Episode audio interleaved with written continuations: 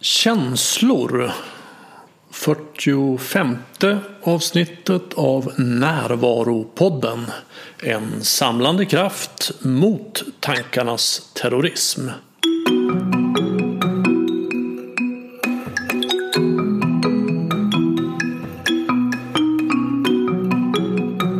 Det här är Bengt Renander Arbetet med den nya versionen av Handbok i närvaro går framåt. Jag trodde ju att jag bara skulle göra några korrändringar och att det skulle ta någon dag att göra klart den nya upplagan. Jag såg att den gamla snart skulle vara slutsåld. Men när jag gav mig in i texten så såg jag att jag har lärt mig mycket sedan jag skrev den.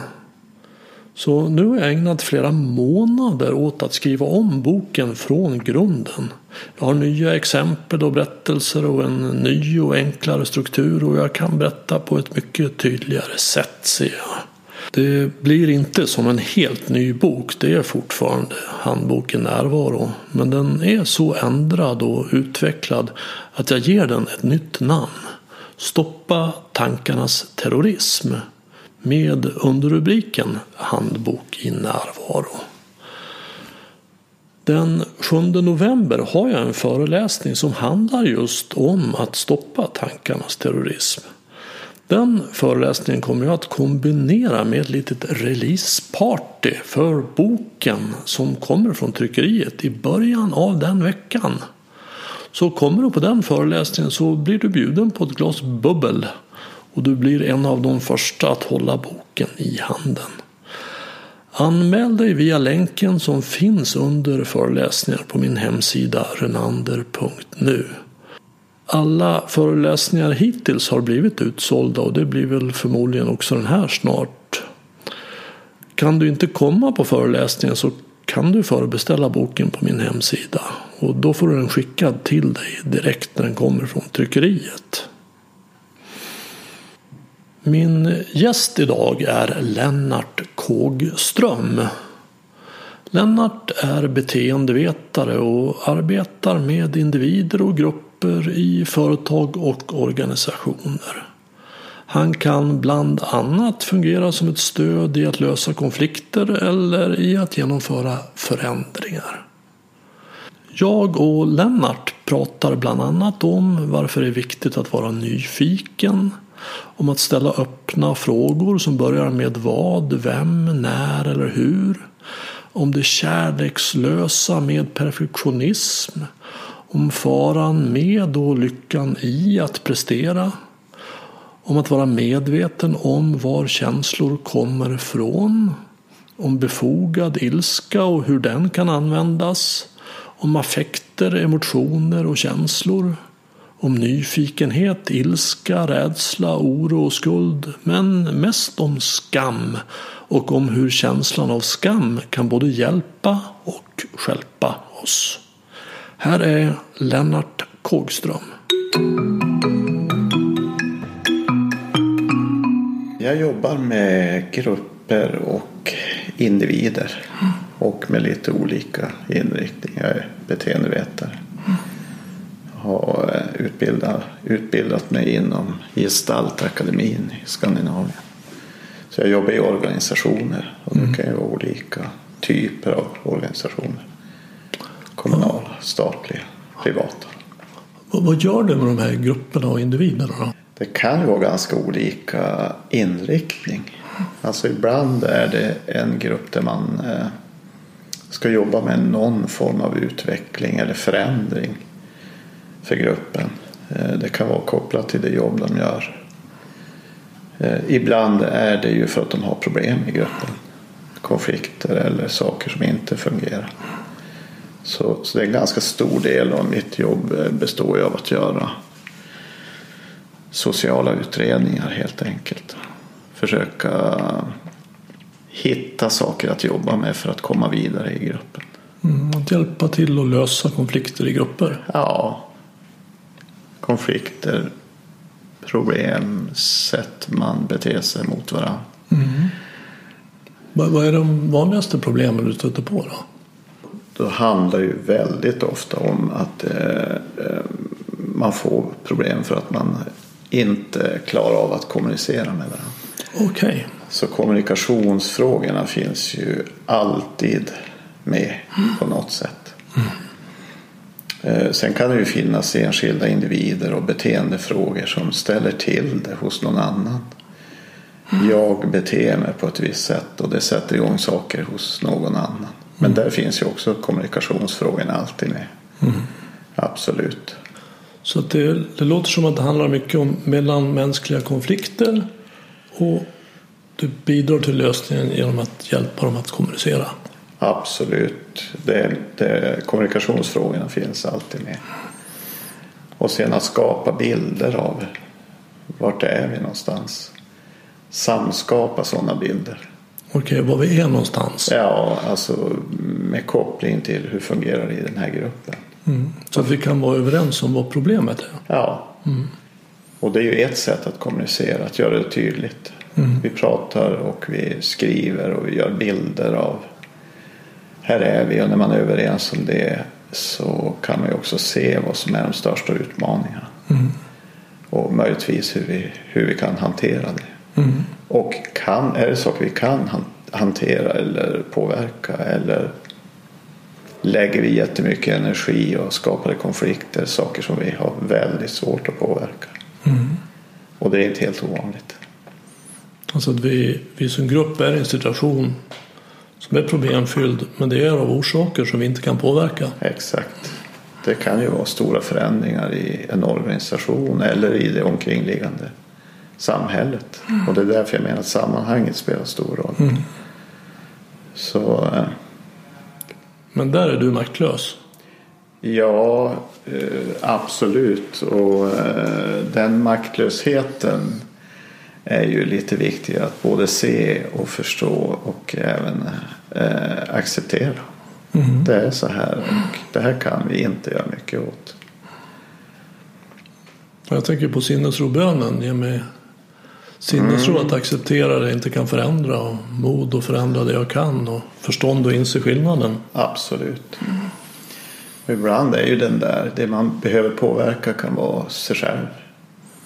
Och ibland är det varandra i gruppen. Ibland är det kopplat till ledarskapet. Eh, Ibland kanske till förutsättningar kring arbetet. Men, men påverkansmöjligheterna och hur de ser ut är ju en del av nuläget. Och det är jätteviktigt tänker jag. Att få koll på. Lägga så lite energi som möjligt på sånt som är jättesvårt att påverka. Jag har ju också jobbat mycket med grupper. På ett lik, inte på samma sätt men på ett likartat sätt som du.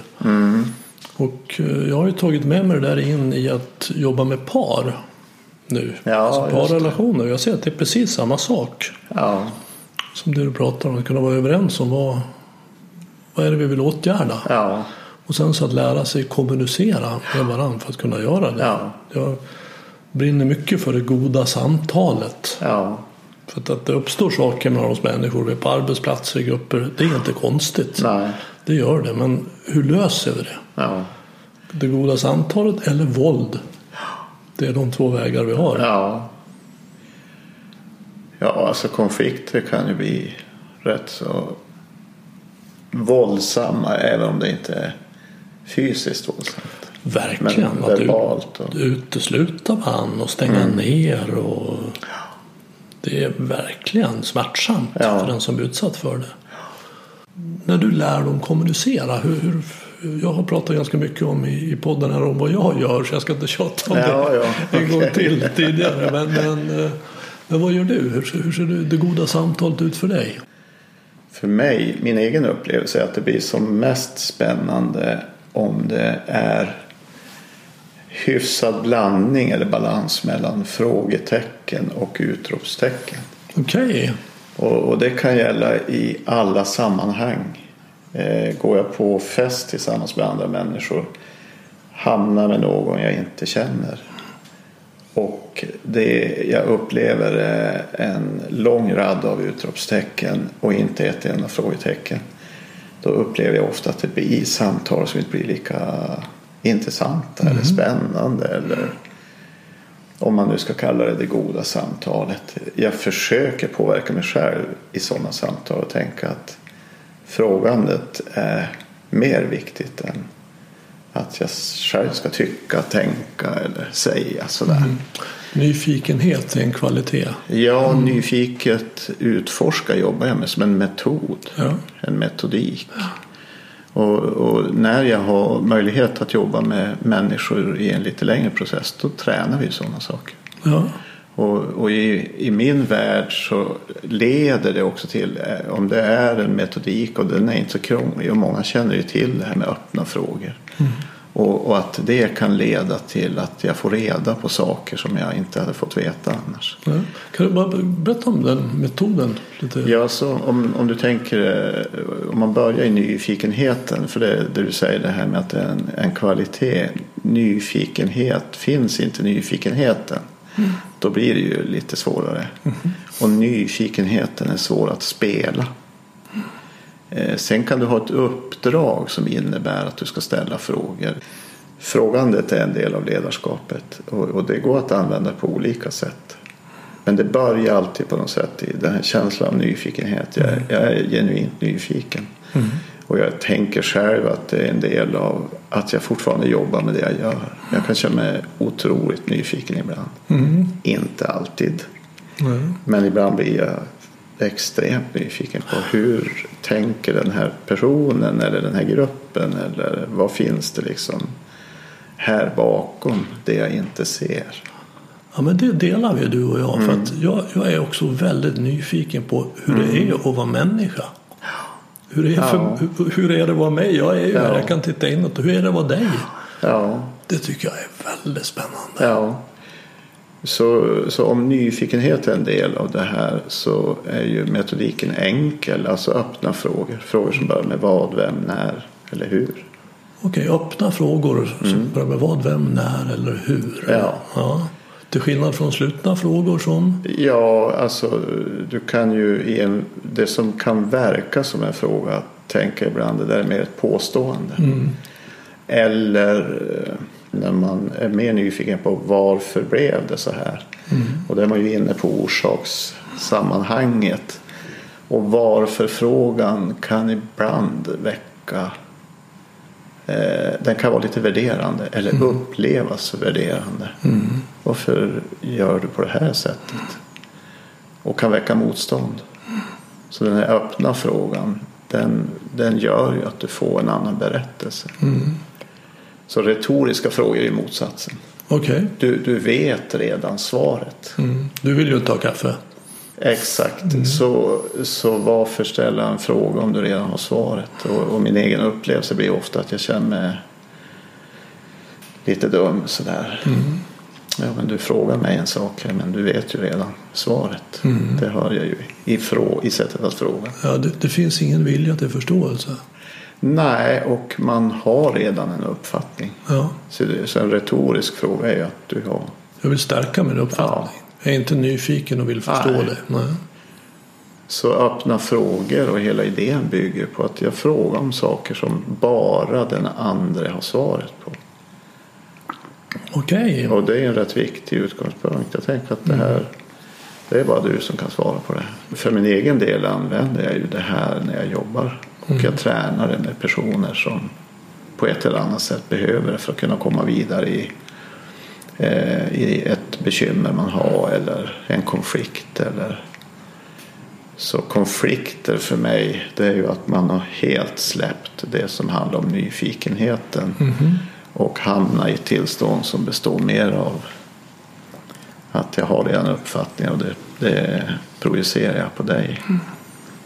En ovilja till förståelse? Ja. Ovilja eller att det bara händer av något skäl. Mm. Och det alltså, behöver inte ens vara uttalat? Nej, och, och, det är inte säkert att jag själv tänker. Alltså när, när affekter och känslor tar över. Då kan det ibland barka iväg åt vilket håll som helst. Och då är det också lite oreflekterat. Mm.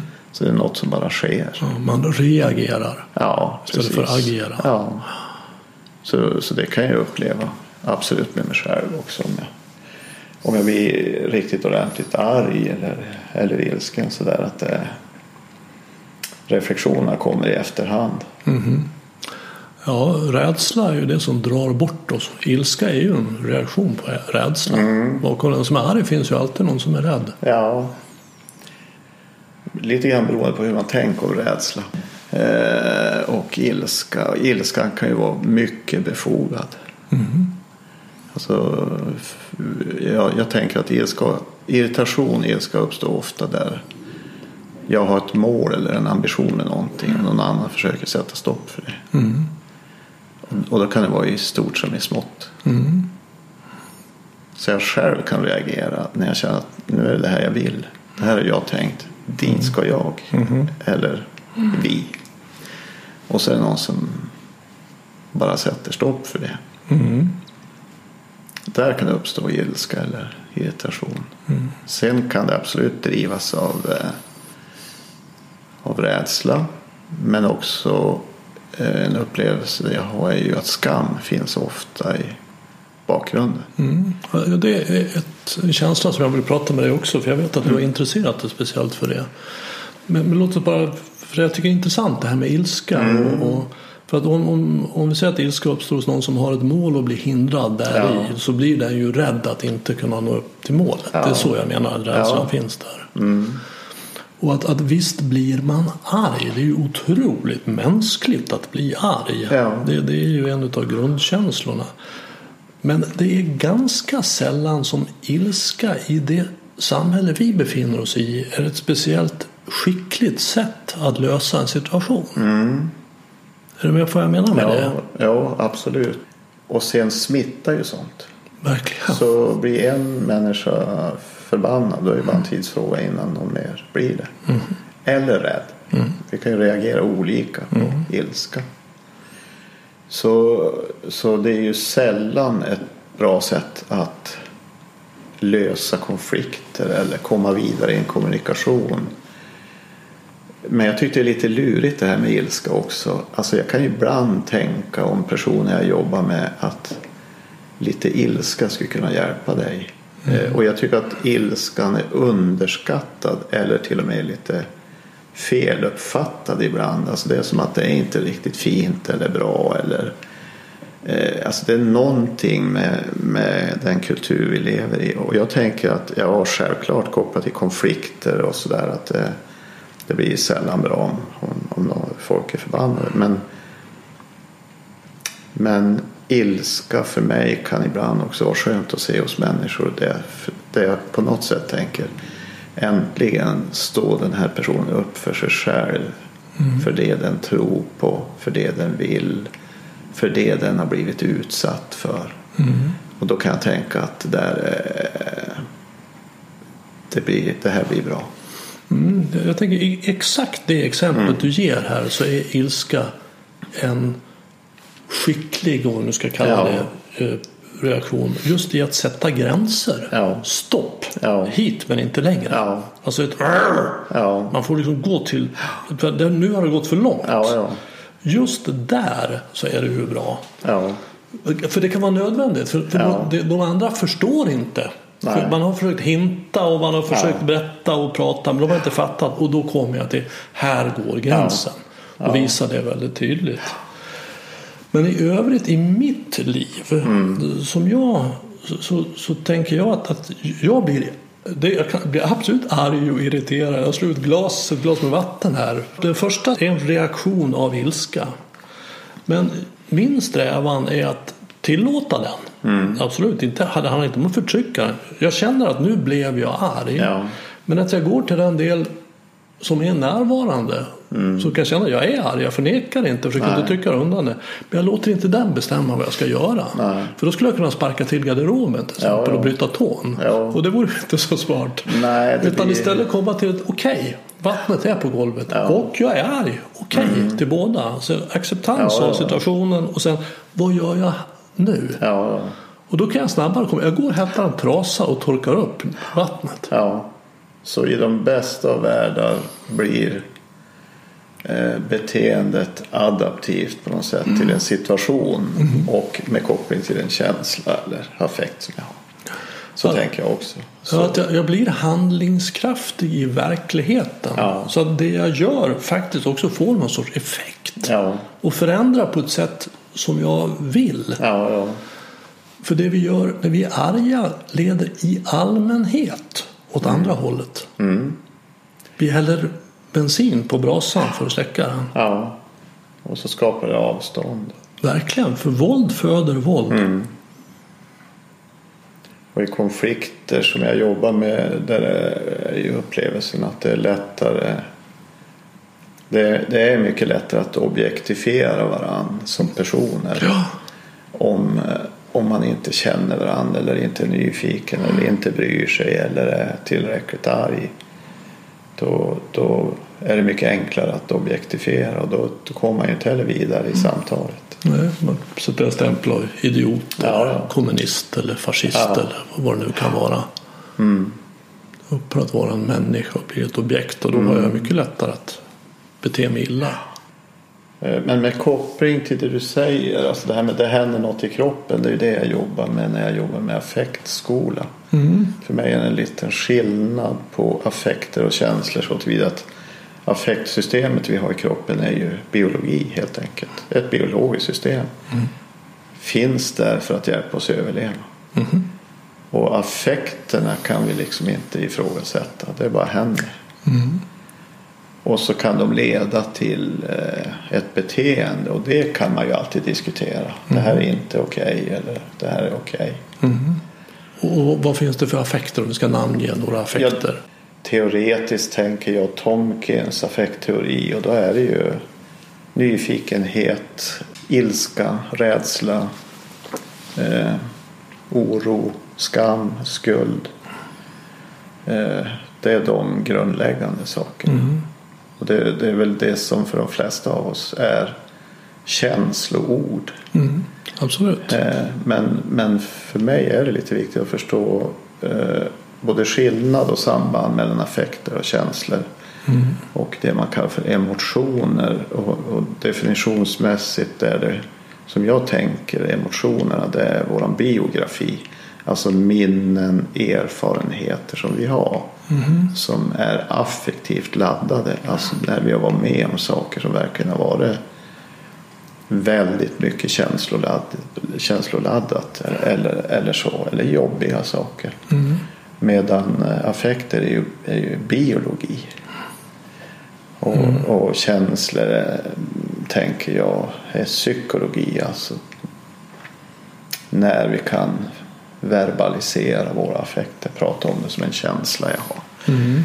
Så man kan ha en affekt, alltså en fysisk affekt utan att egentligen veta riktigt vad det här är för känsla Ja. än. Jajamän. För det är ett påslag i kroppen Ja. av rädsla eller ångest. Ja, Och sen så kan jag bli medveten om att oj, nu är jag verkligen rädd för det här samtalet med chefen Ja. imorgon. Ja. Och då har affekten blivit en känsla. ja.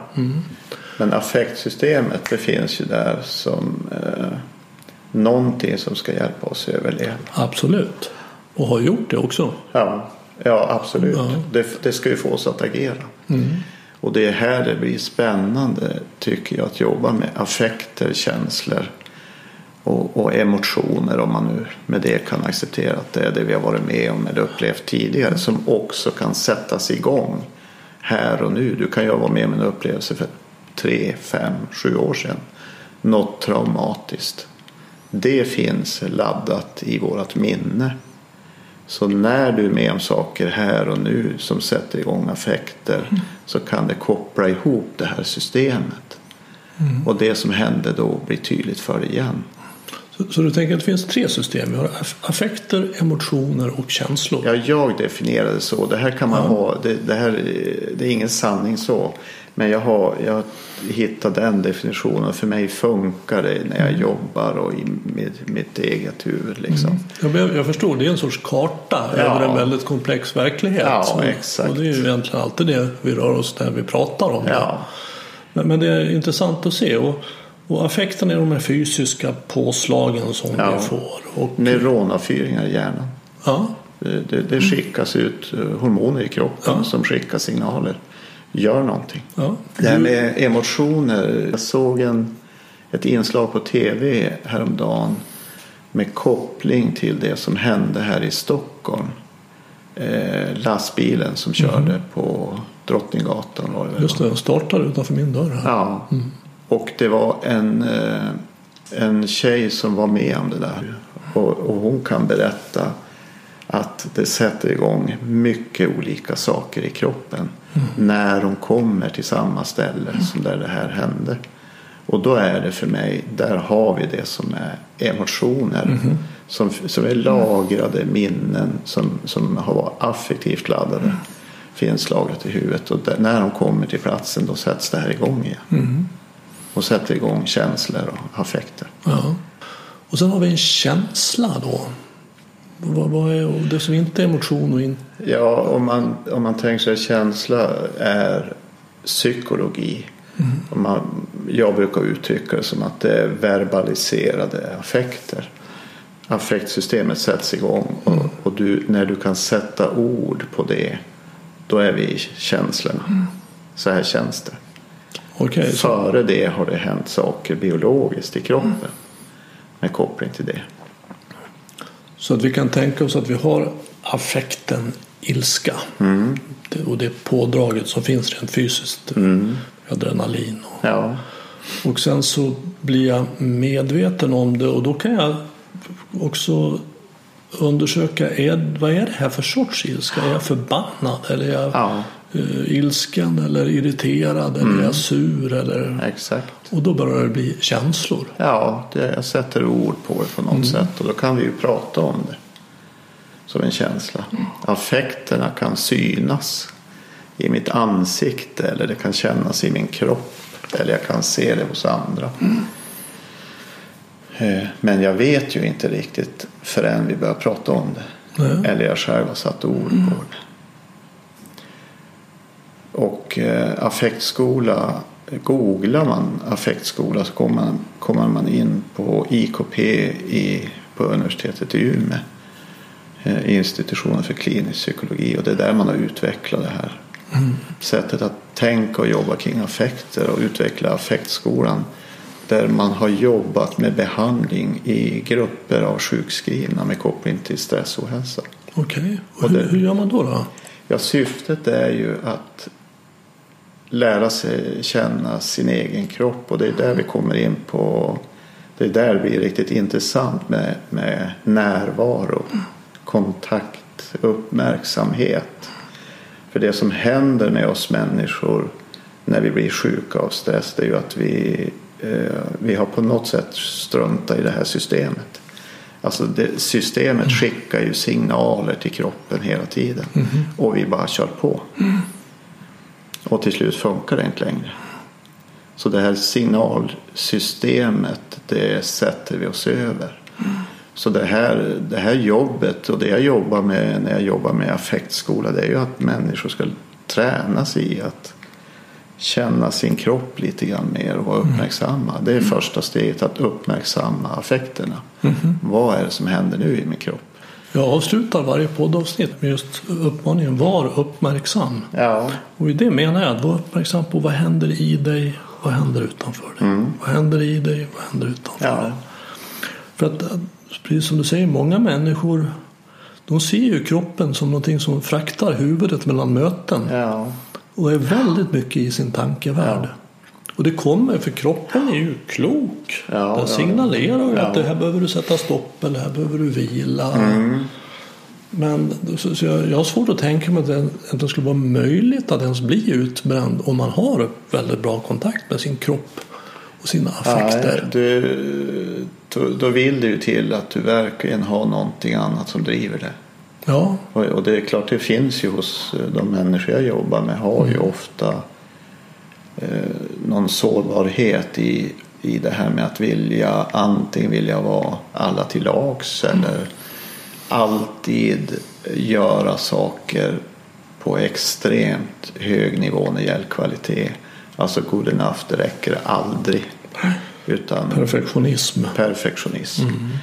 Och, och som ju kan vara en väldig tillgång i olika sammanhang men också bli en sårbarhet. Och sånt kan ju driva oss människor att eh, hoppa över signalerna från det här Ja. affektsystemet. Jag tänker att perfektionism är väldigt kärlekslöst för att det är omöjligt att uppnå. Absolut. Att man kommer liksom aldrig fram. Nej, det går inte. Det, det, det kan aldrig bli perfekt. Det, det, är en teoretisk konstruktion som inte går att manifestera i verkligheten.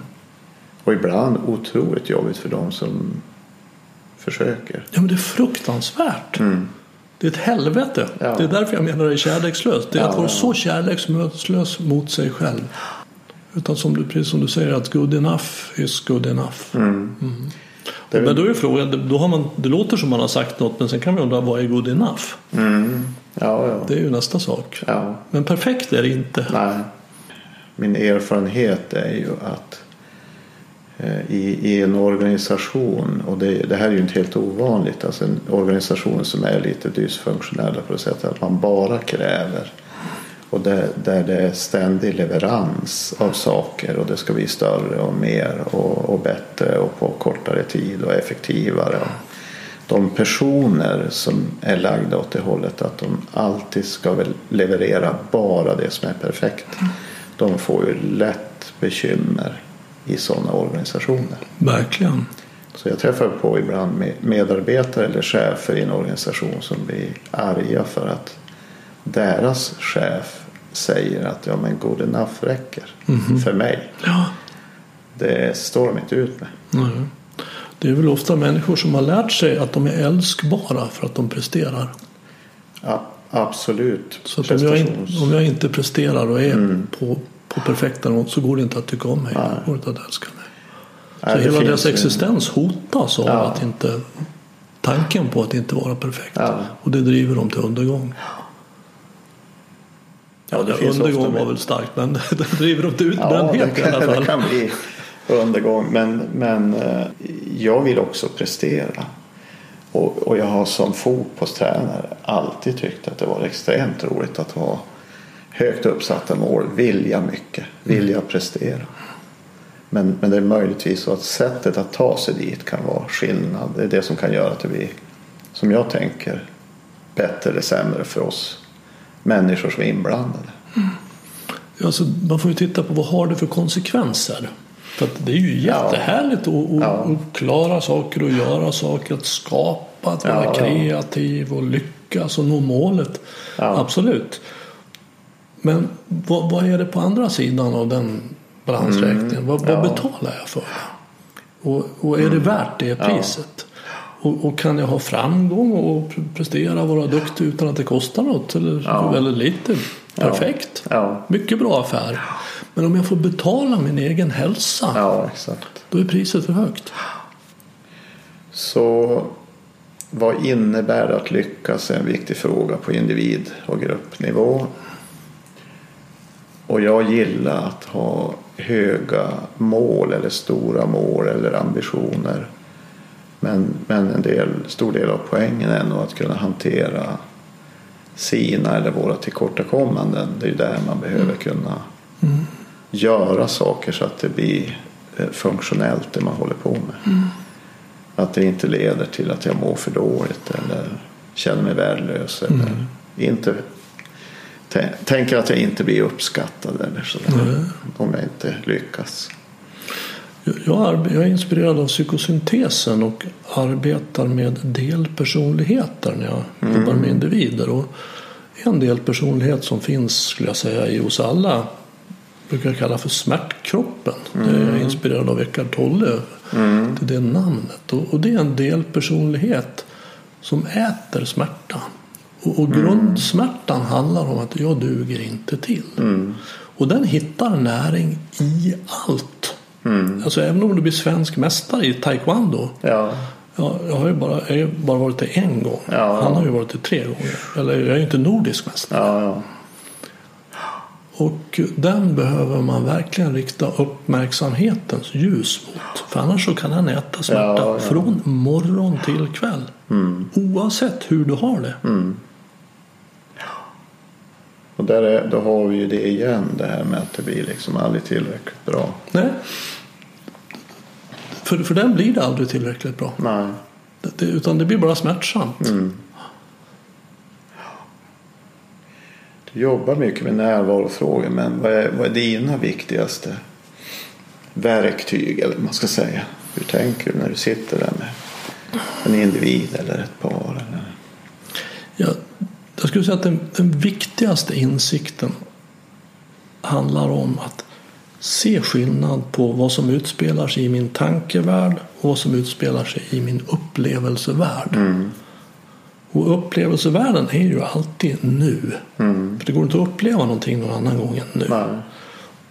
Och tankevärlden kan ju, den är ju som en drömvärld kan vi säga. Den påminner mycket om Mm.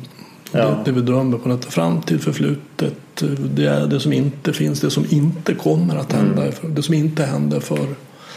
Så det första och kanske det största steget är bara att se skillnad på det. Mm. Och det är vad jag menar med medvetenhet. Vad är jag medveten om? Jo, jag är Ja. medveten om vad jag har min uppmärksamhet Mm. just nu. Och, och nästa steg är ju att om jag tänker saker så kommer jag då att det att väcka affekt. Mm. Det kommer att väcka eh, emotioner. Mm. Det kommer att väcka känslor.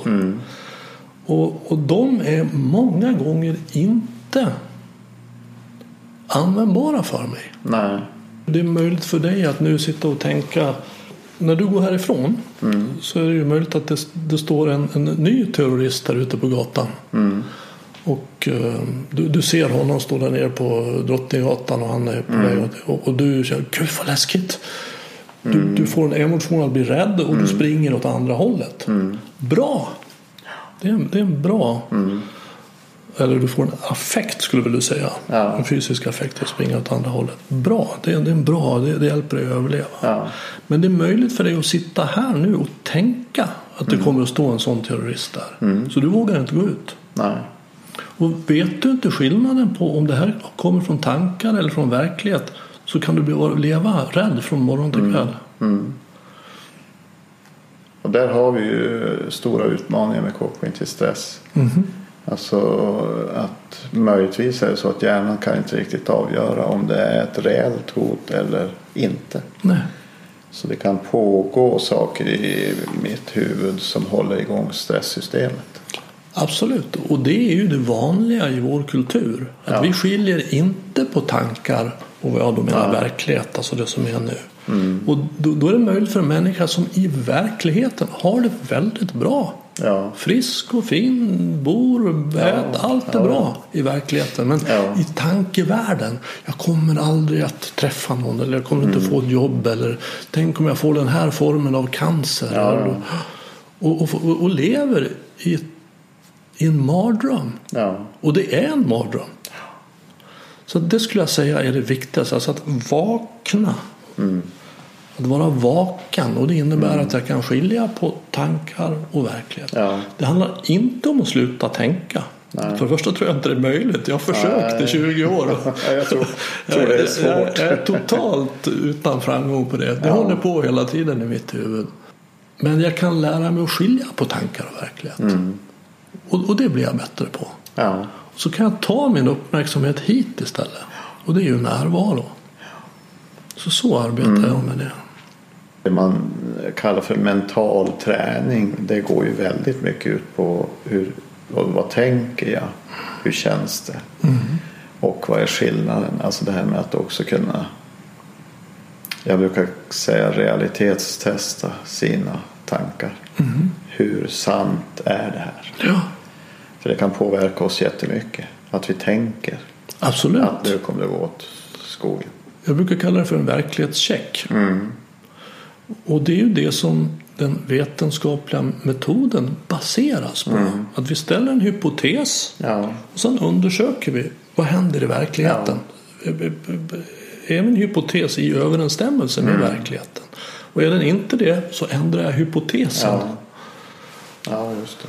För det är så lätt för oss människor att uppleva saker som inte har grund i verkligheten. Ja. Jag har en egen erfarenhet i området är att jag för många år sedan hade ganska stora utmaningar med att jag tyckte det var obehagligt att flyga. Mhm. Rädd för att flyga. Och eh, den träningen som jag gjorde det gick ut på att vara uppmärksam på mitt eget affektsystem. Jag hade ett mantra som jag brukar säga till mig själv. Min kropp är rädd. Mm. Men inte jag. Och då är vi ju där i vad händer Absolut. i kroppen och hur tänker jag om det här. Det finns ett vittne där. Ja, Kroppen är livrädd men vittnet är inte rädd. nej. Och så tränar jag. Mm. Funkar ganska bra faktiskt. Ja, Det var ju en period i början där jag fick jobba med det ganska hårt. Därför kan man väl gå dit så kan man faktiskt fortfarande vara rädd. Men man gör det ändå.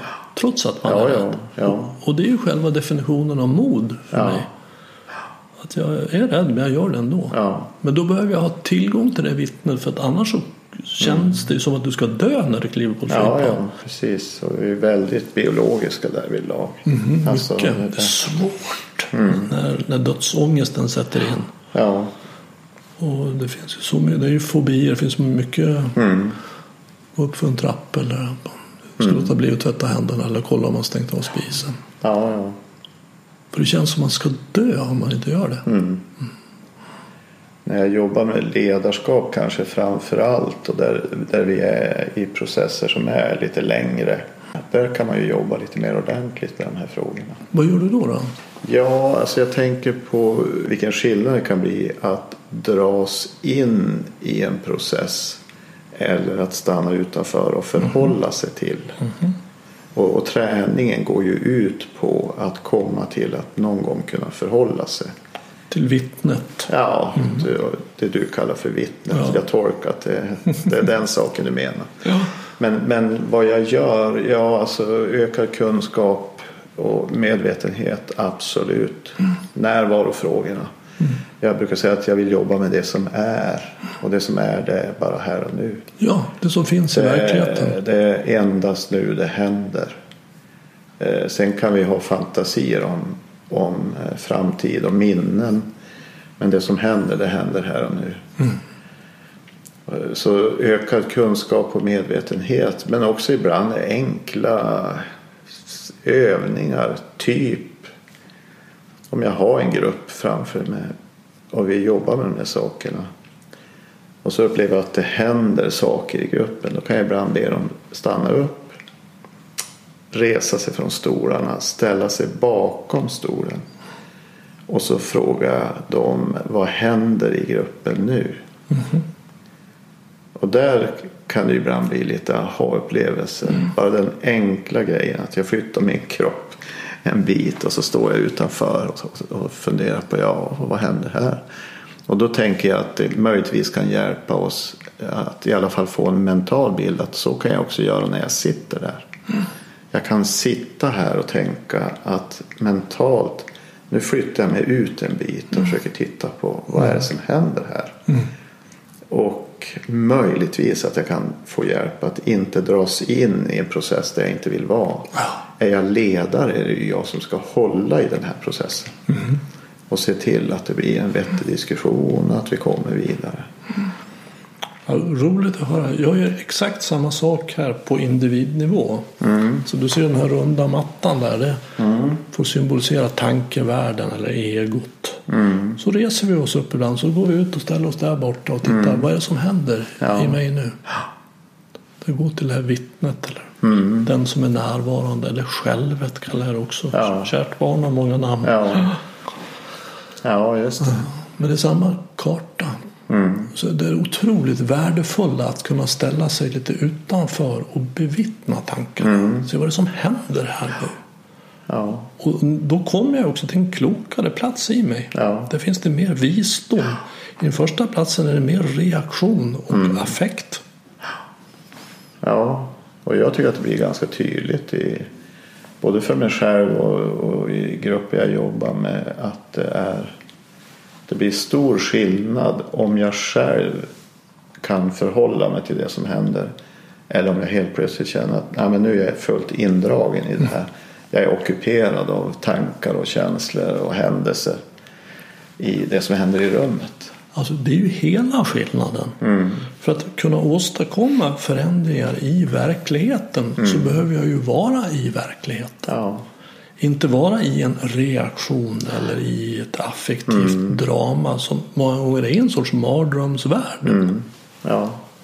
Så, så det skulle det, det, För mig finns ju ingenting viktigare än att vara närvarande. Mm. I alla aspekter av mitt liv.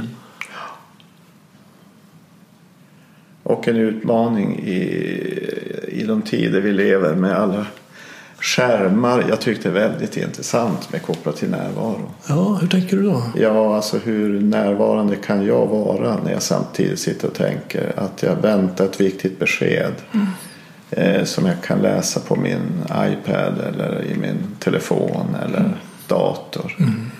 Och, och hur mycket det här påverkar oss människor nu och eh, med koppling till närvaro. Absolut. Så, så i grupper som jag jobbar med där försöker vi alltid göra en överenskommelse. Kan vi, kan vi stänga av det där? Ja. Jag har ett förbud. Ja, Jag kan inte arbeta med en grupp där någon sitter med en mobiltelefon. nej, För det läcker så mycket energi ja, genom den personen. Jag ser det nästan, jag sitter alltid i cirkel när jag jobbar med grupper. Och det är som att öppna ett fönster. Och närvaron bara drar ut där. Och det räcker med att en borta. Jag Så- tänker att det kanske, det, det, jag kan uppleva med mig själv och, och kan ha resonemang med andra. Så det är till och med så att eh, om en telefon eller min padda är i närheten så kan det stjäla min uppmärksamhet. Att jag ska sitta och tänka, jag ska inte gå in där. Alltså eh, för mig kan det vara till stor hjälp att till och med hålla det i ett annat rum. Det ska inte ens vara i rummet. Ja, absolut. Men det är väldigt spännande det här med hur vi fungerar. Och vad det är de här skärmarna lockar fram hos oss. Och vad har det för koppling till närvarofrågor. Jag såg en lite sorglustig historia på någon av de här så kallade sociala medierna. En person som har skrivit i morse satt jag på tåget på väg genom stan och där satt en person och han hade ingen telefon och ingen padda och ingen dator. Han bara satt där och stirrade ut genom fönstret. Som en psykopat. Eh, Säg någonting om Ja, hur man tänker. Men jag tyckte det är fascinerande alltså med koppling just till närvarofrågor. Är det här någonting du adresserar också när du jobbar med företag? Förutom att de, du ber dem att inte ha telefoner på? I- Det blir ofta ett resonemang uppåt i organisationen. Vad har cheferna eh, för krav och förväntningar på sina medarbetare eller sina chefer? Att alltid vara tillgängliga. Därför där är det en lurig fråga. Tillgängligheten är ju en utmaning för oss. En del av det vi kallar den förlängda arbetstiden. Människor är när, eller människor är tillgängliga eh, väldigt många timmar under en vecka. Och det är, inte, det, är inte, det är långt ifrån säkert att det är ett uttalat krav. Utan det kan vara en förväntan och det kan vara en drivkraft hos oss själva. Jag har ett uppdrag, jag har ett ledaruppdrag i en producerande industri. Jag är på något sätt möjligen ständigt påkopplad. Vad händer där? Och, och vill vara tillgänglig. Blir det problem ska de kunna ringa mig. För jag har ju det här uppdraget. Så, så den, det resonemanget är jätteviktigt att, eh, att ha med, med sin chef eller chefer uppåt i organisationen. Vad är kraven eller förväntningarna? Så att människor själva kan avgöra. Det finns ju också en del i det som, som jag skulle adressera som en sorts missbruksproblem. Alltså att jag, jag, jag vill inte känna det jag känner. Och att vara ockuperad av problemlösning i huvudet är ett sätt att slippa känna det jag känner. Så att jag hela tiden behöver då påfyllning. Så likt en alkoholist Ja, ja. som vill dricka hela tiden, vill inte att det ska gå ur kroppen. Så kan jag hamna, det, är, det är ju inte vad jag själv vill på en djupare plats. Nej. Det blir som ett missbruk. Som leder också till en form av undergång om man nu ska kalla det. Eller att systemet bryter samman. Jag, jag vet att du har intresserat dig kanske lite speciellt för en affekt och det är skam. Kan du säga lite grann om det? Ja. Vad är det som har gjort dig intresserad av det? Och... Det är ju ett jättespännande ämne. Jag, eh, när jag pluggade så skulle jag skriva uppsats och då, eh, då var det, mitt intresse var ganska inriktat på vad det är som händer i, i grupper med koppling till från början var det nog härskartekniker och möjligtvis med koppling också till det här med utanförskap eller känsla av att inte få vara med i gruppen och sådär. Och det där landade till slut i skam, affekten, skamkänslor och vad är det för någonting? Så uppsatsen blev ledarskap och skam har jag skrivit om. Och då är det, bygger det på ett antal intervjuer med människor hur de upplever skam. Ska, ska vi definiera, vad, vad menar du när du pratar om skam? Skam är en grundaffekt. Så skam har ju också ett överlevnadsvärde. Alltså skammen hjälper oss ju faktiskt också att umgås i möblerade rum skulle man kunna säga. Mm. Och hur då?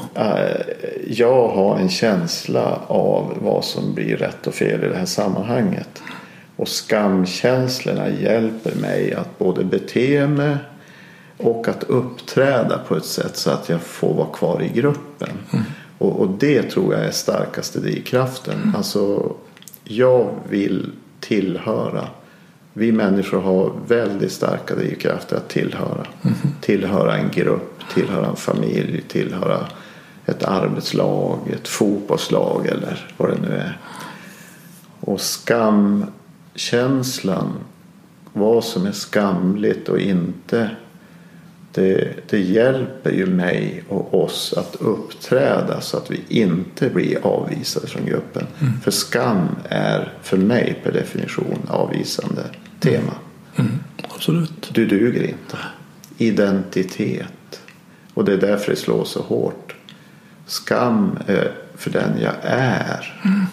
Och skuld är för det jag gör. Mm, är en vanlig definition. Den har jag hört också. Så, så när någon gör saker mot mig som triggar min skam då, då blir det en upplevelse att vara avvisad. Det mm. duger inte och det är därför det slår så hårt. Så det kan vara att jag är för mycket, för dominant och har pratat för mycket ja. eller att jag har pratat för lite och inte ja. bidragit. Eh, om vi har det med oss att skam är kopplat till identitet. Det är en mm. viktig sak. Ja. Och att upplevelsen att bli avvisad från en grupp, det vill vi inte vara med om. Nej. Därför beter vi oss på ett sätt som vi vet att gör jag så här i mitt beteende då får jag vara med här. Mm. Och då kan det till och med ibland vara beteenden som är lite knepiga på något sätt. Mm. Jag har ju jobbat mycket med säkerhetskultur okay. i gruvbranschen. Okay. Eh, och då vet vi, där pratar vi mycket skamfrågor av det skälet att eh, har man någonting av för mycket syndabockstänkande i en organisation och syndabockstänkande för mig det är ju att lägga skam på någon. Mm. Peka, vem är skyldig? Mm. Du har gjort fel, det här duger inte, du är inte en bra människa. Mm. Och har vi mycket av det i en organisation då är det svårt att jobba med säkerhet. För säkerhetsfrågorna bygger på att vi berättar om olika tillbud och misstag. Det vill vi inte göra om vi vet att det här kommer jag få skam för. Ja. Så, så det är väldigt naturligt där att prata om skam och, och skuld och alla de här frågorna. Och min upplevelse är att alla begriper precis vad det är vi snackar om. Mm. Skam är vår mest relationella eh, affekt och ja. känsla. Ja, och det, både skam och skuld är ju verkligen sånt som vi behåller för oss själva. Mm. Det vi skäms för och det känner oss skyldiga för. Det är av det skälet det är lite svårt att utforska sådana saker. Jag förstår vi vill det. inte berätta om det. Jag förstår det. Vi lever ju på något sätt, tänker jag, i en tid som är lite skamlös. Nu är det ju, nu är det ju lite, nu är det lite rätt att inte vara för PK. Man ska säga det andra tänker. Det ska bara slängas rakt ut liksom. Ja. Och jag kan förstå det på ett sätt och jag kan också tänka ja och vad är syftet med det? Att i alla sammanhang bara säga precis det man tänker. Jag jobbar ju i grupper där sånt ställer till med stora bekymmer. Mm. Därför att människor får en massa saker på sig som de inte vill eller det är inte deras fråga eller vad det nu är för någonting. Mm. Alltså det finns ingen hemma där som kan värdera, ska jag säga det här eller inte? Nej.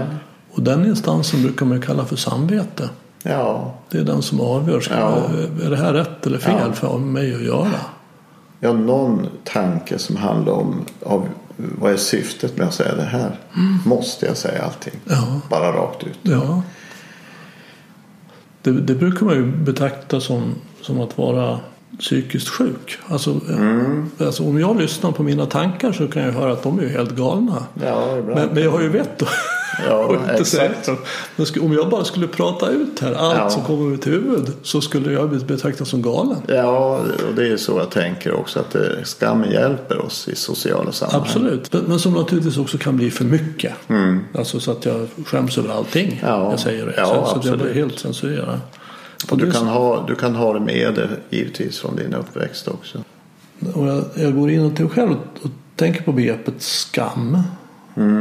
Så ser jag det som en, en negativ känsla. Det är någonting man ska undvika. Och jag hör att du framhåller också förtjänsten i skam. Ja, det är lite riktigt. Så jag kommer att tänka på, på buddhisternas den gyllene medelvägen. Inte för mycket och inte för lite. Ja. Vad lärde du dig vad, lärde du av det, här arbetet du gjorde med skam? Ja, det första lärdomen det var nog precis det du säger nu. Ja, men skam är något väldigt negativt. Det är en jobbig känsla. Och, och ja men absolut. Är, de flesta av oss har någon sån upplevelse och det är ju väldigt jobbigt. Och för mig finns alltid, alla affekter finns på en skala. Så skam skulle kunna vara på en skala från skam till pinsamt. Men pinsamheterna är med koppling till skamaffekten. Ja, då har det blivit en känsla. Ja, eh, och det kan vara en känsla när jag beskriver det som det där var ju väldigt pinsamt. Men varför det är så intressant är ju just av de här skälen att eh, skammen finns ständigt närvarande. För mig är det så.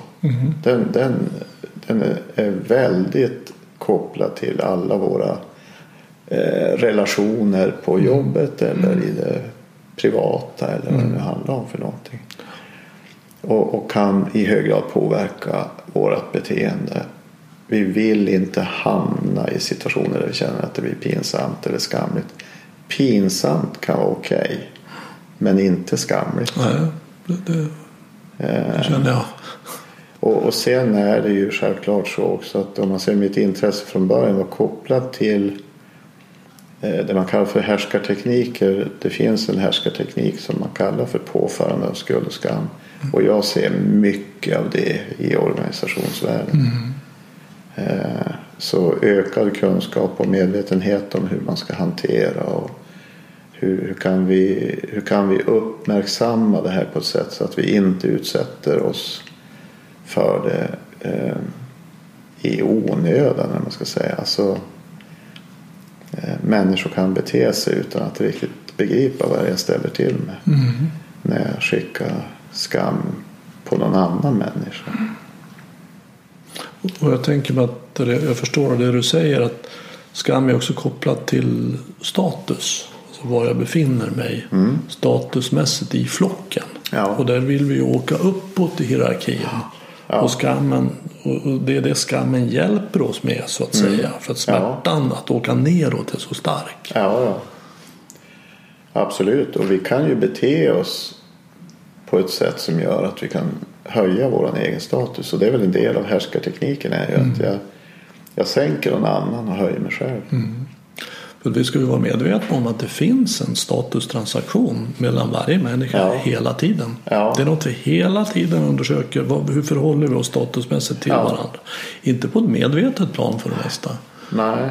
Men ibland kan man ju gå ifrån ett samtal och känna, herre vad hände där? Ja. Gud vad jag kände mig dålig. Jag tänker att rangordning eller status är ett, en del av vårat, våra motivationssystem i kroppen. Absolut. Alltså det, kan också vara en, det kan vara en fördel att vara lite medveten om hur jag eller andra rangordnar. Alltså i vissa sammanhang är det bra om jag begriper att nej, det är inte jag som har befälet i den här gruppen. Mhm, verkligen. Utan här är jag för att lyssna på andra. Inte tala om vad jag tänker och tycker och känner. Absolut. Så, och, och har det något med rangordning att göra så är det ju en tillgång att begripa. Ja. Och, och vice versa. Det kan vara så att min uppgift här i gruppen är att vara tydlig och leda. Ja, Men jag tar inte den. Jag Ja. går ner i status Ja, istället. precis. Och då är det någon annan som hoppar upp. ja och det där är jätteintressant. Jag hållit på mycket med improvisationsteater. Ja, Och där gör vi det här rent fysiskt. Ja. Och det är så spännande Ja. att bara försätta kroppen och tonfall i olika lägen. Hur man åker upp och ner i Status, status så snabbt.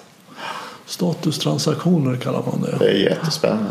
Och det är ju då det här som talar om härskartekniker. Det är ju en form av statustransaktioner. Ja. Jag lär mig hur jag kan trycka ner folk i status Ja. väldigt snabbt och effektivt.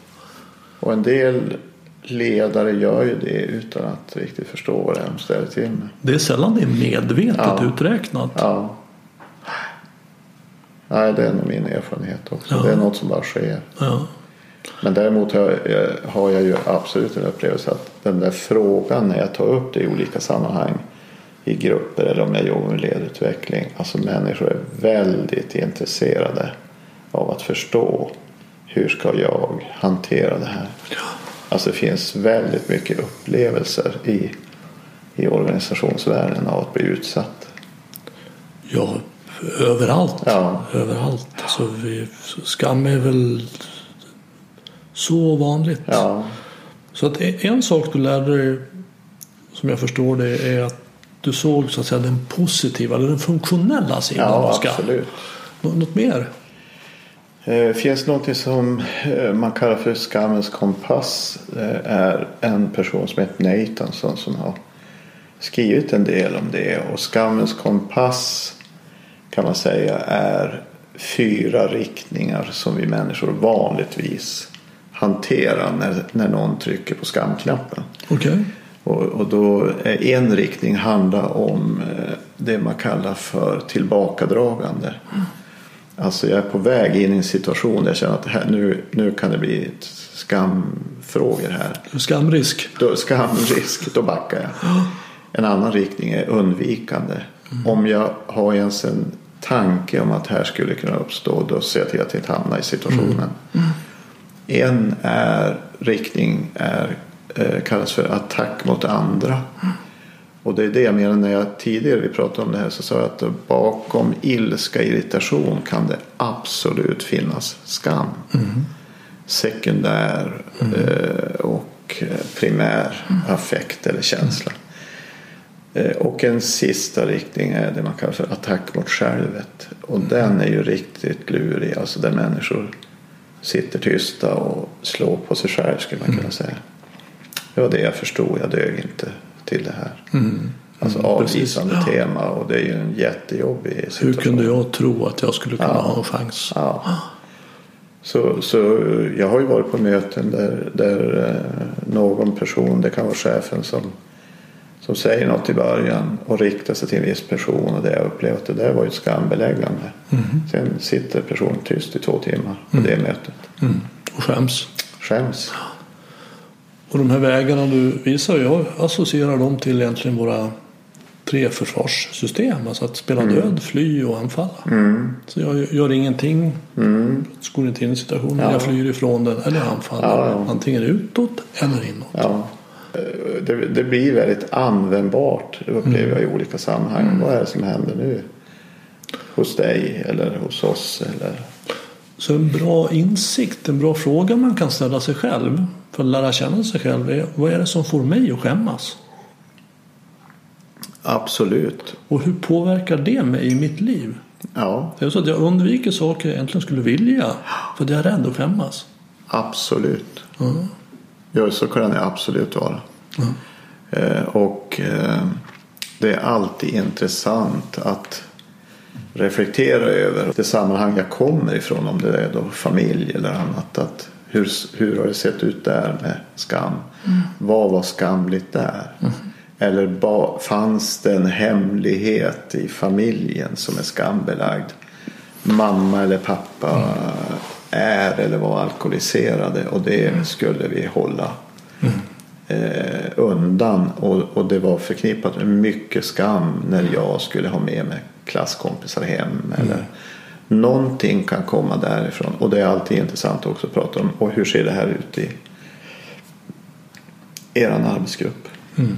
Hur, mycket, hur mycket skam finns det där som lurar Mm. runt hörnet? Och hur påverkar det det ni ska göra tillsammans? Mm.